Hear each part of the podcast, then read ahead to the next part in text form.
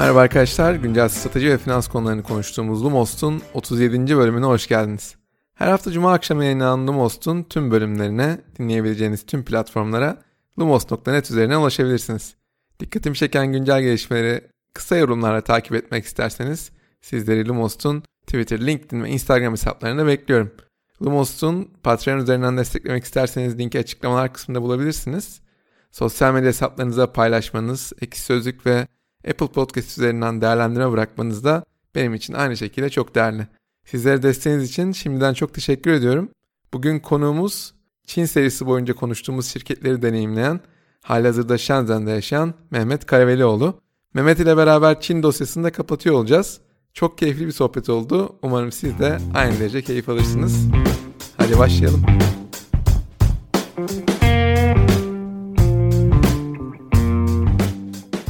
Lumos'un 37. bölümünde konuğumuz Çin serisi boyunca konuştuğumuz o şirketleri deneyimleyen, hali hazırda Shenzhen'de yaşayan çok değerli bir isim Mehmet Karavelioğlu.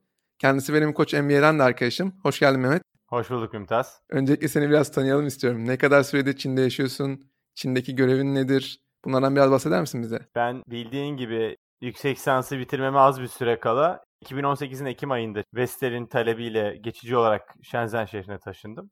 Ee, bugün iki seneye aşkın bir süredir Vestel'in hem iç hem dış pazardaki e, geniş müşteri portföyüne yönelik fabrikasında üretilmeyen bitmiş ürünlerin ürün yöneticiliğini yapıyorum. Çok güzel. Başka böyle yüksek lisans bittikten sonra nasıl bir süreç oldu? Çin'de durumlar nasıl gidiyor? Pandemiyle ilgili ilişkiler nasıl? Onları sormak istiyorum. Bizim bu tarafta her geçen gün önlemler artıyor. Ben Mart ayının başından beri evden çalışıyorum. Shenzhen'de durum nasıl? Artık belli ölçülerde COVID-19 kontrol altına alındı mı? Bunlardan biraz bahsetsene bizlere. Ya ben işim dolayısıyla genellikle çok fazla seyahat ediyorum ve 2020'nin başında böyle bir, bir hafta falan çok ağır bir hastalık geçirmiştim. Sonra Çin tatili araya girdi. Çin tatilinin başında pandemi, Covid-19 konuşmaları başlayınca ben zaten e, tatile gidecektim. Tatile çıktım. Ondan sonra Çin'de lockdownlar başladı. Oradan benim aslında normalde Çin'e geri dönmem gerekiyordu ama e, Türkiye'ye geldim. Türkiye'de bir ay geçirdikten sonra Mart başında önce Malezya'ya sonra da Çin'e geldim. Tam 7 Mart'ta gelmiştim geri. Hong Kong Shenzhen sınır geçişinde sınır görevlileri dışında kimse yoktu. Bir hayalet şehre dönüşmüştü. Bana da hatta apartman yönetimi ben daha yoldayken geliyormuşsun. 14 gün evde kalmanı tavsiye ediyoruz gibi. Aslında bir yandan da korkutucu mesajlar attılar hep. Şu anki durumda e, bu arada yani 20 Mart'tan beri her gün ofise gidiyoruz biz istisnasız. E, her metroya binişte, her AVM girişinde QR kodlarımız hala kontrol ediliyor ve o QR kodda son 14 günde hangi şehirlerde bulunduğumuz gösteriliyor. Mesela geçenlerde Şanghay'da 4-5 tane vaka çıktı biliyorsun.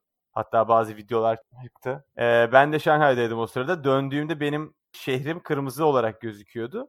İnsanlar böyle QR kodumu kontrol ettikleri zaman bir tereddüt ediyorlardı. Çünkü burada hangi vagonda olduğunu bile orada bir QR kodu okutup ispatlaman gerekiyor metrodan çıkışında.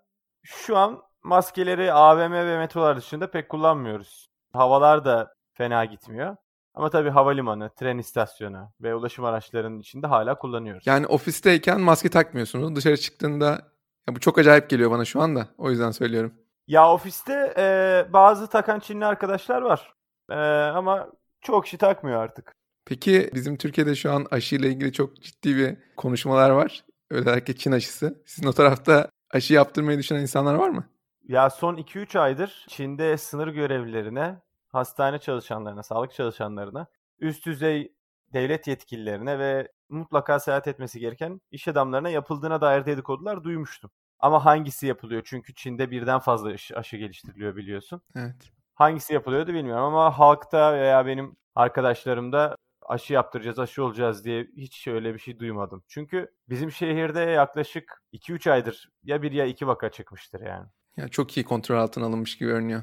Şimdi Türkiye'deki iş hayatını deneyimledin. E, Çin'dekini karşılaştırdığında temel farklar nerede oluşuyor? Hani biz e, Lumos bölümlerinde hep sabah 9'dan akşam 9'a haftanın 6 günü çalışmayı böyle 9-9-6 e, şeklinde bir daha söylenti bile var orada. Gerçekten böyle mi? Herkes bu kadar yoğun çalışıyor mu? Gerçekten öyle diyebilirim. Yani mavi yakasından beyaz yakasına çok yüksek tempolu bir çalışma disiplini var. Benim de kişisel olarak gözlemleme, gözlemleme şansını yakaladığım montaj hatlarındaki mavi yakaların çalışma temposunu gerçekten anlatmak mümkün değil. İlber Ortaylı da hatta CNN Türk'te geçtiğimiz bölümlerden birinde anlatır. Hot seat diye bir söylem var burada. Anne, baba ve çocuk fabrikanın içerisindeki yurtta kalırlar. Baba e, eğer sabah vardiyasındaysa anne o sırada yurtta çocuğa bakar. Akşam vardiyasında yer değiştirecekleri zaman hot seat oradan geliyor. Babanın kalktığı koltuğa anne oturur. Baba eve yurt odasına gidip çocuğa bakmaya başlar. Anne kaldığı yerden devam eder işe. Bu aslında beyaz yakalarda da çok yoğun bir şekilde devam ediyor. Bizim şirkette değil ama %90 bütün Çinli şirketlerde cumartesi de dahil çalışmaya devam ediyorlar. Güzel. Peki oradan sen Türkiye'de bir şirkete destek veriyorsun. Oradaki zaman farklarından dolayı problem yaşıyor musunuz? Burada herkes artık e, online'a dönmüş durumda. Saat farkı problem yaratıyor mu? Ya bizim pandemiden bizim sektörümüz aslında çok olumlu etkilendi. Baktığınız zaman sadece Türkiye'de değil bütün dünyadaki consumer electronics ve beyaz eşya firmaları satışları tavan yapmış durumda. Bu bize de yansıdı tabii. Saatten bağımsız saat 10'da, 11'de Microsoft Teams veya Cisco Webex üzerinden toplantılar yapıyoruz. İletişimimiz çok arttı. Eskiden Avrupa ofisleriyle veya Türkiye ofisleriyle bu kadar iletişimimiz yoktu. Ama e, pandemi bizi yakınlaştırdı diyebilirim. Peki şimdi dışarıdan bakınca Lumos'un bu Çin serisinde biz hep şunu konuştuk. Özellikle e-ticaret, ödeme sistemleri, lojistik gibi alanlarda Çin'in batıya göre çok daha ileride olduğunu görüyoruz. Sen teknolojinin hangi alanında Çin'in batıya göre çok daha ileride olduğunu deneyimledin, görüyorsun. Bunlardan biraz bahsetsene bize. Ya bahsettiğin sektörlerde Çin'in gerçekten çok önde olduğunu belirtmem lazım. E-ticaret zaten 11-11 Singles Day ile gerçekten çığırından çıkmış durumda. Ee, şöyle çok enteresan bir bilgi söyleyebilirim. Ödeme sistemleri açısından. Ben 2019 Ocak ayından bu yana hiç nakit paraya değmedim diyebilirim. Burada yabancılara zaten kredi kartı da verilmiyor. Ve sürekli Alipay veya WeChat kullanıyorum. Yani para transferi, adım sayar, translation, e, konser, sinema, tren, uçak bileti satın alma gibi her şeyi yapabilirsin bu uygulamalarda. Ben, senin belirttiklerine ek olarak bir de süper app'lerde, elektrikli arabalarda ve güneş enerjisi kullanımında da Çin'in çok önde olduğunu düşünüyorum. Gerçi Asya kıtasında mesela Malezya'da da Grab çok kullanışlı bir uygulama ama Çin'de her türlüsünden bahsedebilirim süper app'ler konusunda. Aynı zamanda ama çok dikkatimi çeken burada özellikle Shenzhen böyle biraz deneme tahtası gibi kullanıldığından dolayı elektrikli arabalarda inanılmaz bir patlama var burada. İşte Warren Buffett'ın yatırım yaptığı BYD, Shenzhen merkezli, New York borsasına kota 3 tane daha şirket var, 4 tane belki de. NIO, Li Auto e, gibi başka yani elektrikli araba firmaları öne çıkıyor. E, aynı zamanda tabii burası e, inanılmaz bir gözetim sistemiyle, kameralarla donatıldığından dolayı tüm aydınlatmalar, tüm kamera sistemlerinde güneş enerjisi panelleri kullanılıyor. Bu zaten Komünist Parti'nin e, önümüzdeki 5 yılki eylem planında da temiz, ucuz ve e, yüksek verimli enerji kullanımı diye yer alıyor. Hiçbir şekilde nakit taşımıyorum dedin. Yani herhangi bir yerde e, bu sistemleri kullanarak Alipay veya WeChat Pay kullanarak ödeme yapabiliyorsun yani değil mi? Ya şöyle söyleyeyim. Sokakta çok dilenci olmuyor ama dilencinin boynunda bile bir QR kod asılı oluyor. Ya, çok iyi. Ee, peki abi e, Çin'in e-ticaret tarafında açık ara zaten dünya lideri.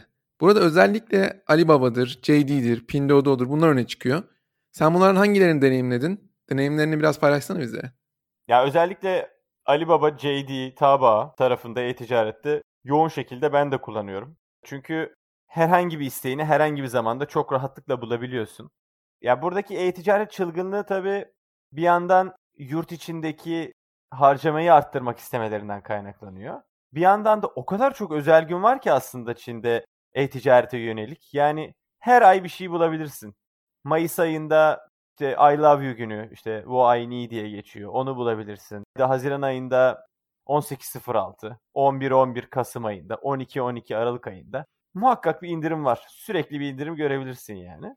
Zaten bu sene 11-11'de gerçi bu sene her seneden farklı olarak 11 güne yaydılar indirimi ama JD ve Alibaba'nın toplamda 120 milyar dolar ciro yaptığından bahsediliyor. Ya çok büyük bir rakam ya. Yani bu rakamı duyduktan sonra ben Türkiye'nin en büyük firmalarını açıp bir toplayayım 1 trilyon TL'ye kadar ulaşabilene kadar toplayayım diye düşündüm ama Tüpraş'ın 10 katından daha fazla oluyor cirosu. Peki sen Ali Baba'nın e, hemasını falan kullandın mı hiç? Yoğun olarak kullanıyorum. Market alışverişinde özellikle. JD'yi genellikle elektronik veya kesin orijinal olarak almak istediğim kablosuz kulaklık olur. Öyle gibi ürünler için kullanıyorum.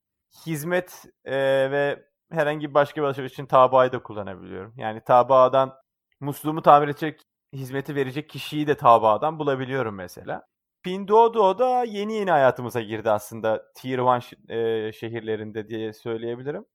Taze meyve veya işte 4-5 kişi arkadaşlarla bir olup daha ucuza meyve aldığımız oluyor. Peki Mehmet şeyden bahsettin. Hizmet tarafında Tabaa'yı kullanıyorum dedin. Bu acaba Meytan'dan sonra mı Ali Baba bunu işe daha fazla odaklanmaya başladı? Meytan'ı kullanıyor musun?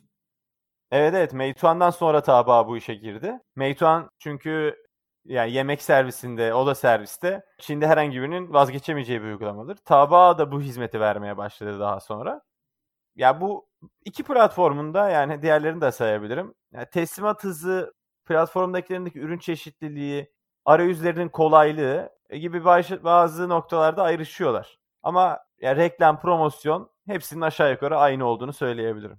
Ya e, bu uygulamalar böyle dışarıdan batılılar için bizim alışmadığımız tipte ya. E, Çince'nin getirdiği bir avantaj da var sanki böyle e, çok küçük bir alana e, çok büyük bir metin sığdırabiliyorlar. Anlamlı bir şey sığdırabiliyorlar. Biraz çirkin görünüyor e, bizim alışmadığımız için. Ama sanki orada yaşamaya başlayınca bunun çok daha efektif olduğunu fark ediyorsun herhalde. Efektif oluyor gerçekten baktığın zaman. Çünkü çok küçük kullanıyorlar görselleri. Ama çok şey yazıyorlar. Arkadaş oraya baktığı zaman mesela Çince'yi rahatlıkla okuyabilen arkadaşlar yani ürün speklerinin hepsini söyleyebiliyor. E, o da herhangi bir şekilde ürüne tıklayayım, o tekrar açılsın. Öyle bir şeye gerek kalmıyor yani. Çok daha pratik. Peki e, Pinduoduo'dur, Mogu'dur bu uygulamaların bu kadar başarılı olması e, bir taraftan bakıyoruz batıdaki şirketleri de yeni bir şeyler denemeye zorluyor aslında. Şimdi Amazon Live'ın e, ya da Checkout with Instagram'ın çıkışında hep bu Çin etkisini görüyorum ben. Sosyal e-ticaret kavramının Çin'de bu kadar yaygın olmasını neye bağlıyorsun? Ya aslında bu Pinduoduo ve Mogu'nun Amazon Live ve Checkout with Instagram'ı etkilemesi senin bölümleri izledikten sonra bana çok enteresan geldi. Çünkü aslında eskiden Amerika'da gördüklerini Çin'e uyarlardı. Şimdi Çin'de gördüklerini Amerika'ya uyarlamaya başladılar gibi oluyor yani. Ya bu sosyal e-ticaret kavramı tabii bu iki firma çok farklı iş modellerine sahip olsa da e, yoğun olarak kullanılıyor. Yani mesela Pinduoduo belki Türkiye'de hiçbir hiç kimsenin öyle cesaret edemeyeceği bir şekilde Tier 2 ve Tier 3 şehirlerden başlıyor. Ve kalitesini geliştirdikçe ve cirosunu büyüttükçe Tier 1 şehirlere giriyor. Ve Pinduoduo kullanıcılarının bu uygulamayı kullanmasındaki tek sebep fiyat. Çünkü Tier 2 ve Tier 3'de yaşayan insanlarla Tier 1'de yaşayan arasında çok büyük bir maaş farklılığı var aynı zamanda. Tier 2 ve 3'te genellikle fiyat odaklı müşteriler var. Ve onlara e, yöneliyor Pinduoduo. Çünkü grup satın almaları yapıyor. Yani grup satın almaları ile aslında markaların ve ürünlerin reklam yapmadan marka elçileri gibi müşterileri kullanmasıyla sonuçlanıyor. Ben bunu biraz e, bizde eskiden door to door sale vardı. Evet. Hatta bir halı yıkama makinesi satarlardı sanırım. Ona benzetiyorum biraz. Ya Mogu için e, hiç kullanmadım. Çünkü daha çok kadınlara yönelik bir e, makyaj, e, kozmetik ürünleri satan bir uygulama. Ama e, birkaç arkadaşımla konuştum sosyal e-ticaret konusunda. Neredeyse günün her saatinde canlı yayın olan bir platform. Çok enteresandı yani bir gün 9 sabah 9.30'da bile arkadaşın telefonundan bak girebildik ve can, bir canlı bir yayına denk geldik. Arkadaşlarla konuştuğumda şöyle söylüyorlar. Biz herhangi bir ürün satıcı alacağımız zaman JD'ye giriyoruz, Tabaa'ya giriyoruz, Pinduoduo'ya giriyoruz, Mogu'ya giriyoruz diyor. Çünkü aslında bizim yaptığımız gibi market yerlerindeki fiyatları karşılaştırmak için giriyorlar ve en iyi deal'ı yakalamaya çalışıyorlar. Yani biz nasıl Türkiye'de fiziksel mağazaya gidiyoruz, web sitesine başvuruyoruz, Trendyol hepsi burada en 11'e gidiyoruz. Onlar da türlü türlü sosyal mecralara gidiyorlar ve öyle alışveriş yapıyorlar. Canlı yayın konusunu biraz da açalım. Bu gerçekten bir çılgınlık yaşanıyor. Türkiye'de de öyle aslında ama Türkiye'de de e, pandemi dönemi sonrası Instagram'da canlı yayın yapmayan insan kalmadı neredeyse. Ama bizim tarafta böyle e, bunu bir alışverişe döndürme olayı yok. E, sen o tarafta bunu neye bağlıyorsun? Nasıl bu kadar canlı yayın üzerinden satış kavramı var? Neden bu kadar çok kullanılıyor? Ya pandemi öncesinde de canlı yayınlar aslında Çin'de çok moda olmaya başlamıştı. Pandemi sonrasında Şubat'tan sonra çok daha ağırlık verdiler. Hatta bazı markalar kendi satış uzmanlarına ürün eğitimleri vererek onların da canlı yayına katılmalarını sağladılar. Burada ben kendi sektörümüzden bir örnek vermem gerekirse Gri ad, adlı bir klima beyaz eşya firması var. Bu firmanın CEO'su 1 Haziran'da kendi Weibo hesabından 1 milyar dolarlık satış yaptı. Sadece bir günde. Bunu ben aslında yine ödeme sistemlerine bağlayacağım. Çünkü burada canlı yayın yapılırken çok rahat bir şekilde bir ürün için ihale arttırımı gibi fiyat teklif edebiliyorsunuz. Ve ödeme çok basit. Bir tutar ekranınıza düşüyor. Ee, onu onayladıktan sonra parmak iziyle onaylayabilirsiniz. 6 haneli bir şifre girerek onaylayabilirsiniz. Çünkü direkt o bağlı olduğu için Türkiye'de düşünüyorum böyle bir şey olsa kredi kartını girmen lazım. Kredi kartı bilgilerin kayıtlı olmuş olsa arkadaki CVC kodunu girmeni bekleyecekler. Hala e, alınacak yolu var diye düşünüyorum Türkiye'de bu ödeme sistemlerinden dolayı canlı yayınlardaki satışların. Evet, mesela bu canlı yayının arkasındaki iki şirket e, Tencent ve Alibaba. E, şimdi bu dünyanın en değerli teknoloji şirketleri arasında bu ikili zaten. E, bu ikilinin e, Çin'deki bu startup ekosistemine etkisinin ne kadar büyük olduğunu e, ben önceki bölümlerde, Lumos bölümlerinde uzun uzun anlatmaya çalıştım. Sen orada yaşayan bir insan olarak bu etkiyi gözlemliyor musun? Gerçekten bu şirketler bu kadar güçlüler mi? Hem de insanlar burada çalışmak istiyorlar mı? Kesinlikle çok çalışmak istiyorlar. Tencent'in headquarter'ı Shenzhen'de. Alibaba'nınki de e, Hangzhou'da. Aynı zamanda headquarter'larının bulunduğu şirke, e, bulunduğu şehirlerde hem Tencent'in hem Alibaba'nın kendi startup ekosistemleri de bulunuyor. Ve iki haftada bir burada değerlendirmeler yapılıyor ve angel investorlar çağrılıyor. İki haftada bir çok yoğun bir şekilde bu startupların büyütülmesi isteniyor.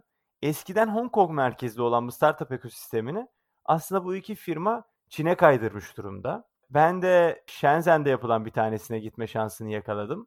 Angel Investor olarak tabii ki invest yapacağımız yoktu ama merak ettiğimde tarım ve otomasyon alanlarında yani hiç ilgim olmamasına rağmen ya keşke param olsaydı da buna yatırım yapsaydım dediğim projeler gördüm gerçekten yani. Hangzhou Alibaba'nın e, Shenzhen'de Tencent'in hangi şehirlerde bulunursan şehir sınıflandırmasından bahsediyorsun. Tier 1, Tier 2, Tier 3, Tier 4. Bu teknoloji şirketler açısından baktığımızda bunun etkisini nasıl görüyorsun? Ya burada genel anlamda öyle bir Tier 1, 2, 3, 4 diye bir ayrım yapılıyor. Tabii coğrafi olarak ya suya ihtiyacından dolayı insanın Çin genellikle doğu tarafında yo- e, nüfusun yoğun olarak bulunduğu ve dört ana nehrin etrafında kurulmuş şehirlerin genellikle Tier 1 olarak adlandırıldığı bir ülke. Tier 1'da Shanghai var, Guangzhou var, Shenzhen var, Hangzhou var. E, birkaç tane daha şehir var bunun gibi.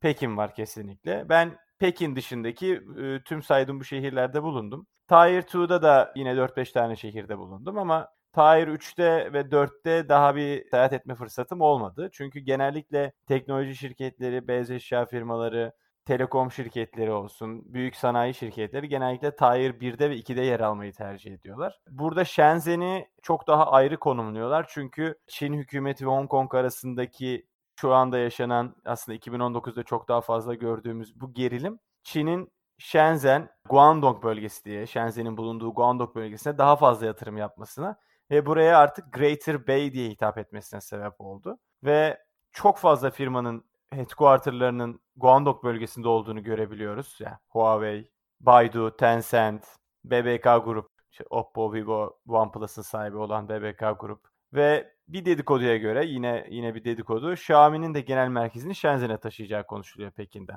Biz HKUSC'de eğitim alırken sen Shenzhen'de yaşıyordun ama Hong Kong'a gidiş geliş yapıyordun. Çok kısa bir yolculukta hatırladığım kadarıyla.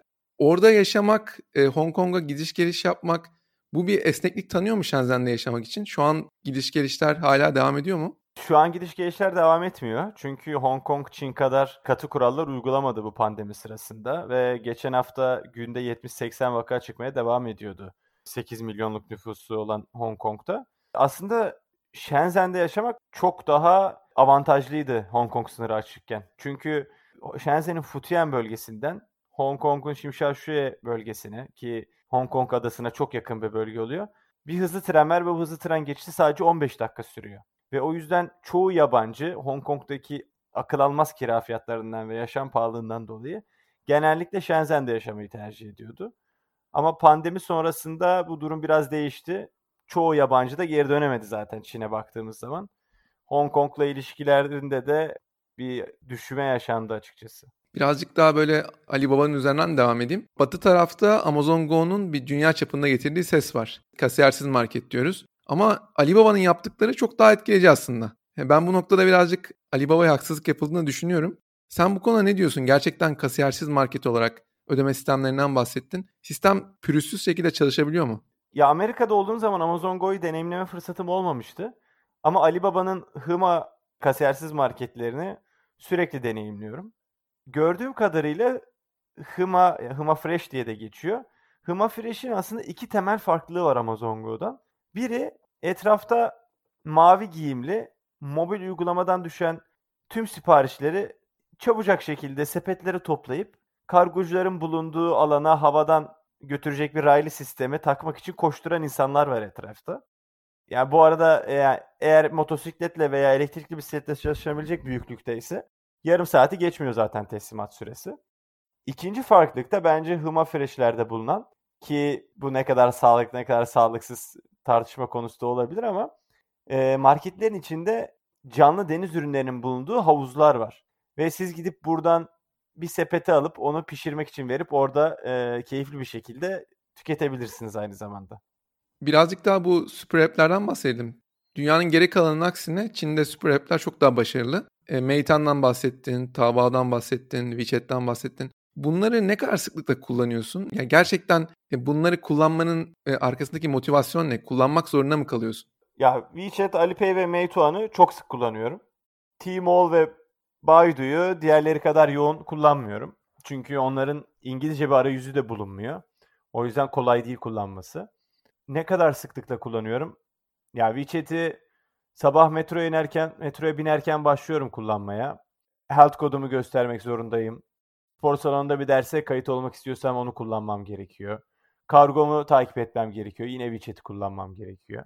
Alipay'i Hıma Fresh için e, yoğun olarak kullanıyorum. Çünkü Huma Fresh kullanmak için sadece Alipay'den ödeme yapabiliyorsun. Yine kargo takibi, elektrik, su, telefon faturasını yine e, Alipay'den ödeyebilirsin. Meituan'ı da eğer evde yemek pişirmeyi seviyorsan ve ben bütün alışverişimi eksiksiz yaparım diyorsan ve bütün handyman işlerimi musluğun bozulduğunda da ben tamir ederim. Televizyonun bozulduğunda da ben tamir ederim diyorsan kullanmak zorunda değilsin. Ama o kadar rahat ki aslında baktığın zaman Yemek yaparken ben bir tane domates unuttum. 15 dakika içinde bana bir tane domatesi getirebilecek biri var e, Meituan'da. Veya gece 12'de bir dondurma istedi canın. Açık bir 7-Eleven yakalayıp hemen oradan gidip getirebilecek, 15-20 dakikada gidip getirebilecek bir uygulama. Yani yemek sepetinin getirin çok daha gelişmiş versiyon diyebilirim. TikTok'un Çin dışındaki bir başarısı var. Genelde hani e, Çinli şirketler Çin'de başarılı oluyorlar ve global açılmakta zorlanıyorlar. Ama TikTok hani Çin'deki ismiyle Douyin çok büyük bir başarıyı aslında globalde yakalamış durumda. Belki Çin'den bile daha başarılı. Özellikle Hindistan, Amerika gibi yerlerde. Şimdi kısa video tarafında e, görebildiğim kadarıyla Kuaşa da var. E, bunları deneme şansın oldu mu? Bunları kullanmakta acaba canlı yayınlarla e, ki o motivasyonla benzeşiyor mu? Ne düşünüyorsun bu konuda?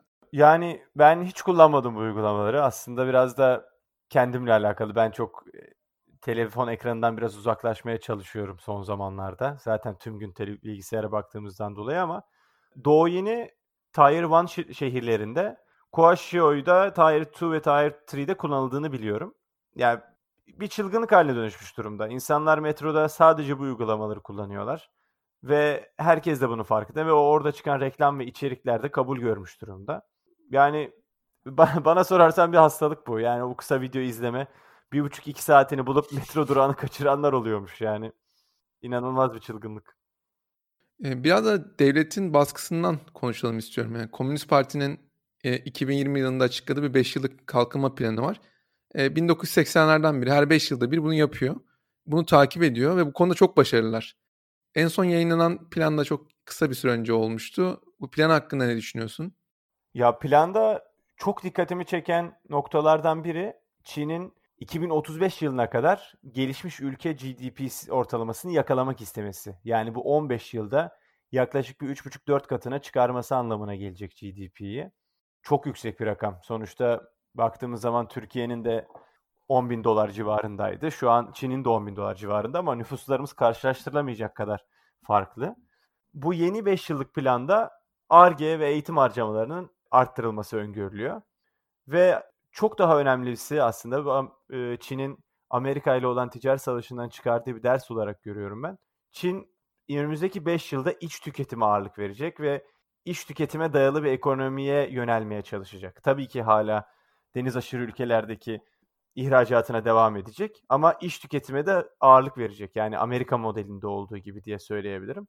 Ee, yüksek hızda değil ama yüksek kalitede büyüme, yeşil üretim, akıllı üretim böyle hedefleri var önümüzdeki 5 sene için Komünist Parti'nin. Bizim tarafta, bizim gözlemimiz en azından bu tek çocuk politikasının bir etkisi var bu tüketim çılgınlığında aslında. Ee, senin gözlemin özellikle pandemi sonrası Çinli öğrenciler Amerika'ya gidemiyorlar. Ve gidemedikleri için de e, o teknolojinin transferi belki bundan sonraki dönemde hiç mümkün olmayacak. Çünkü hissettiğim kadarıyla Amerika'daki üniversitelere de olan bir sürü Çinli var ve bu Çinliler e, Amerika'da kalmak motivasyonu yerine bir süre sonra kendi ülkelerine dönerek o öğrendikleri tecrübeyi kendi ülkelerine aktarmak istiyorlar. Sen bu açıdan baktığında o Amerika Çin etkisini nasıl görüyorsun? Burada genellikle e, zengin ailelerin çocuklarının muhakkak Amerika'ya yüksek lisansa gittiğini görebiliyorsun. Ve onlar döndükten sonra genelde büyük şirketlerde güzel pozisyonlara geliyorlar. Bundan sonra aynı şekilde devam edemeyeceğini düşünüyorum ama buna da aslında bugün okuduğum bir haber vardı. Her şehre belli sayıda e, yeni öğrenci kayıt edilmesi gibi bir hedef vermiş Çin hükümeti şu an. En son Shenzhen için okuduğum gelecek sene 1 milyon öğrenci adediydi. Yani orta öğretim, lise ve üniversite için.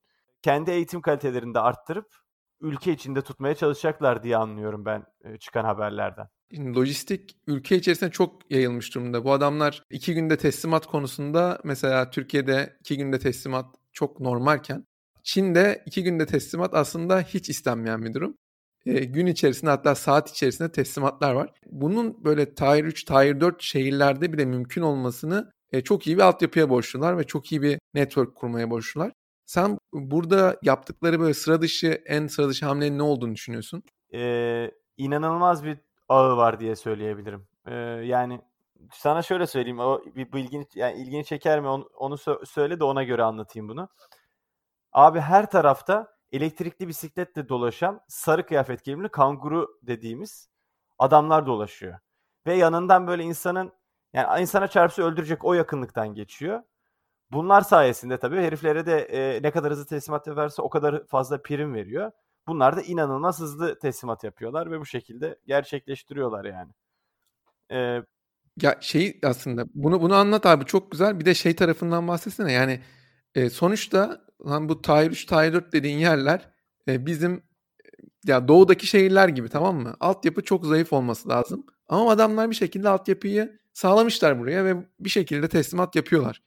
Hani e, bu konuda herhalde bir motivasyonları var diye anlıyorum ben. Meituan Dianping tarafında yani şehir içi teslimat tarafında yemek olsun, kargo olsun. inanılmaz bir kargo ağı var. E, bunun sebeplerinden biri Shenzhen'in coğrafi yapısının uygun olması.